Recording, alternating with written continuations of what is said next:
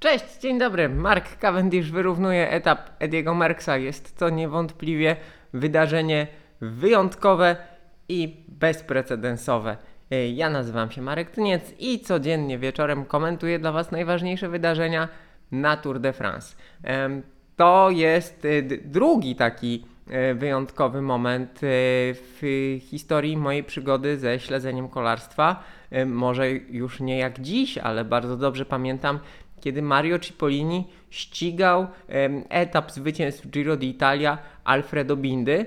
No szło mu to bardzo opornie, gdy był już blisko, blisko, no to męczył się niezmiernie. A teraz Mark Cavendish w Tour de France Wygląda to tak, jakby największą jego trudnością był powrót w ogóle na Tour de France i to, że on jest w peletonie, y, to, że startuje w tegorocznym turze, no w zasadzie jest y, pewnego rodzaju y, cudem albo wydarzeniem naprawdę bardzo wyjątkowym i już niespodziewanym ale gdy już zaczął jeździć, gdy już zaczął wygrywać, pozdrawiam mojego szczekającego psa Alberto, Alberto, który dołączył do naszej drużyny y, domowej y, kilka lat temu, teraz będzie miał szóste urodziny, a ponieważ dołączył w lipcu, no to nie mógł się nazywać inaczej y, niż Alberto na cześć znanego kolarza lubiącego mięso.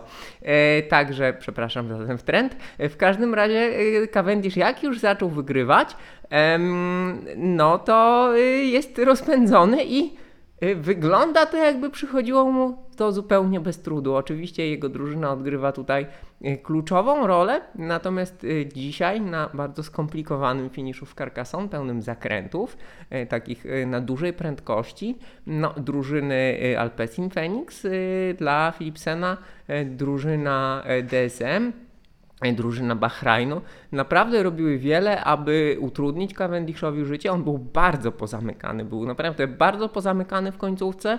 Już tak naprawdę wydawało się, że takim backupem dla niego może być Morkow i to Morkow, który ostatecznie drugi wjechał na metę, wygra etap, ale wygrana Cavendisha była y, bardzo przekonująca, bardzo. Wygrał znowu o, o prawie długość roweru.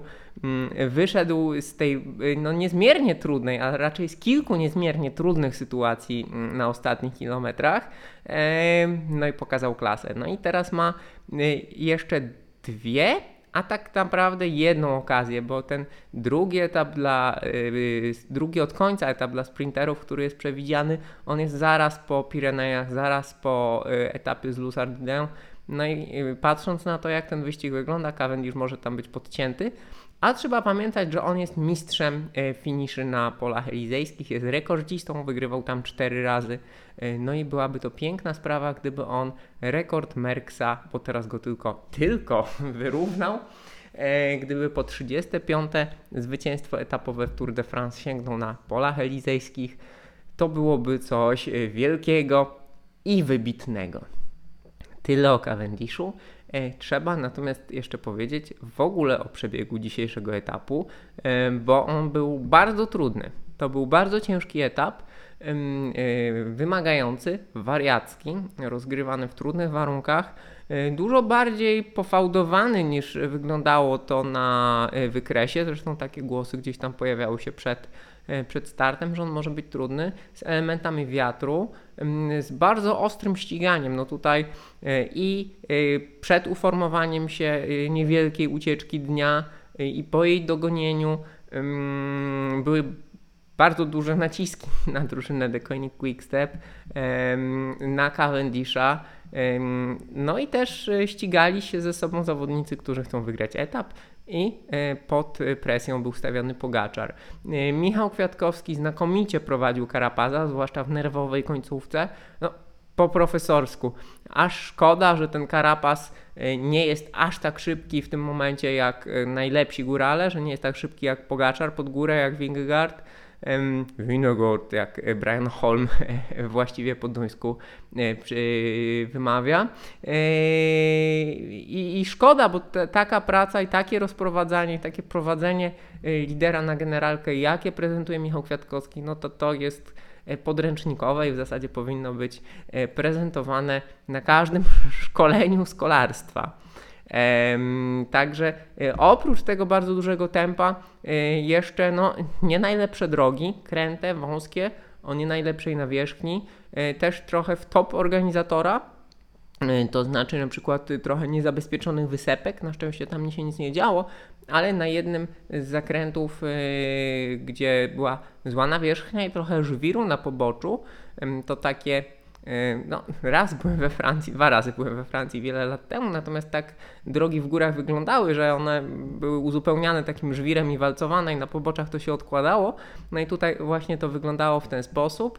E, No i tam polecieli zawodnicy do rowu, poleciał Rafał Majka, poleciało wielu zawodników, wypadł mi- m.in. Yates i Hamilton e, z Bike Exchange, którzy już nie jadą dalej.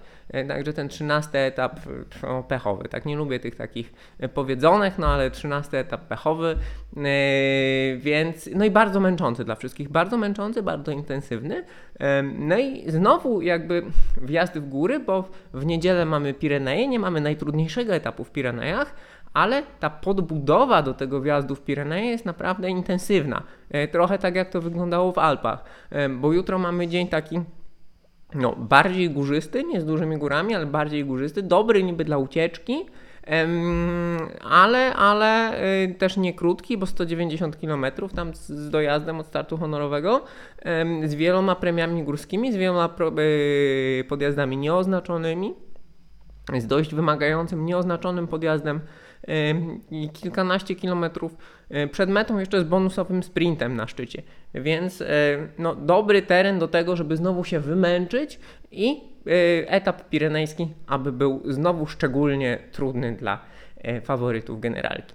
Tak to moi drodzy wygląda Mark Cavendish z 34 zwycięstwem etapowym w swoich, w historii swoich startów w Tour de France.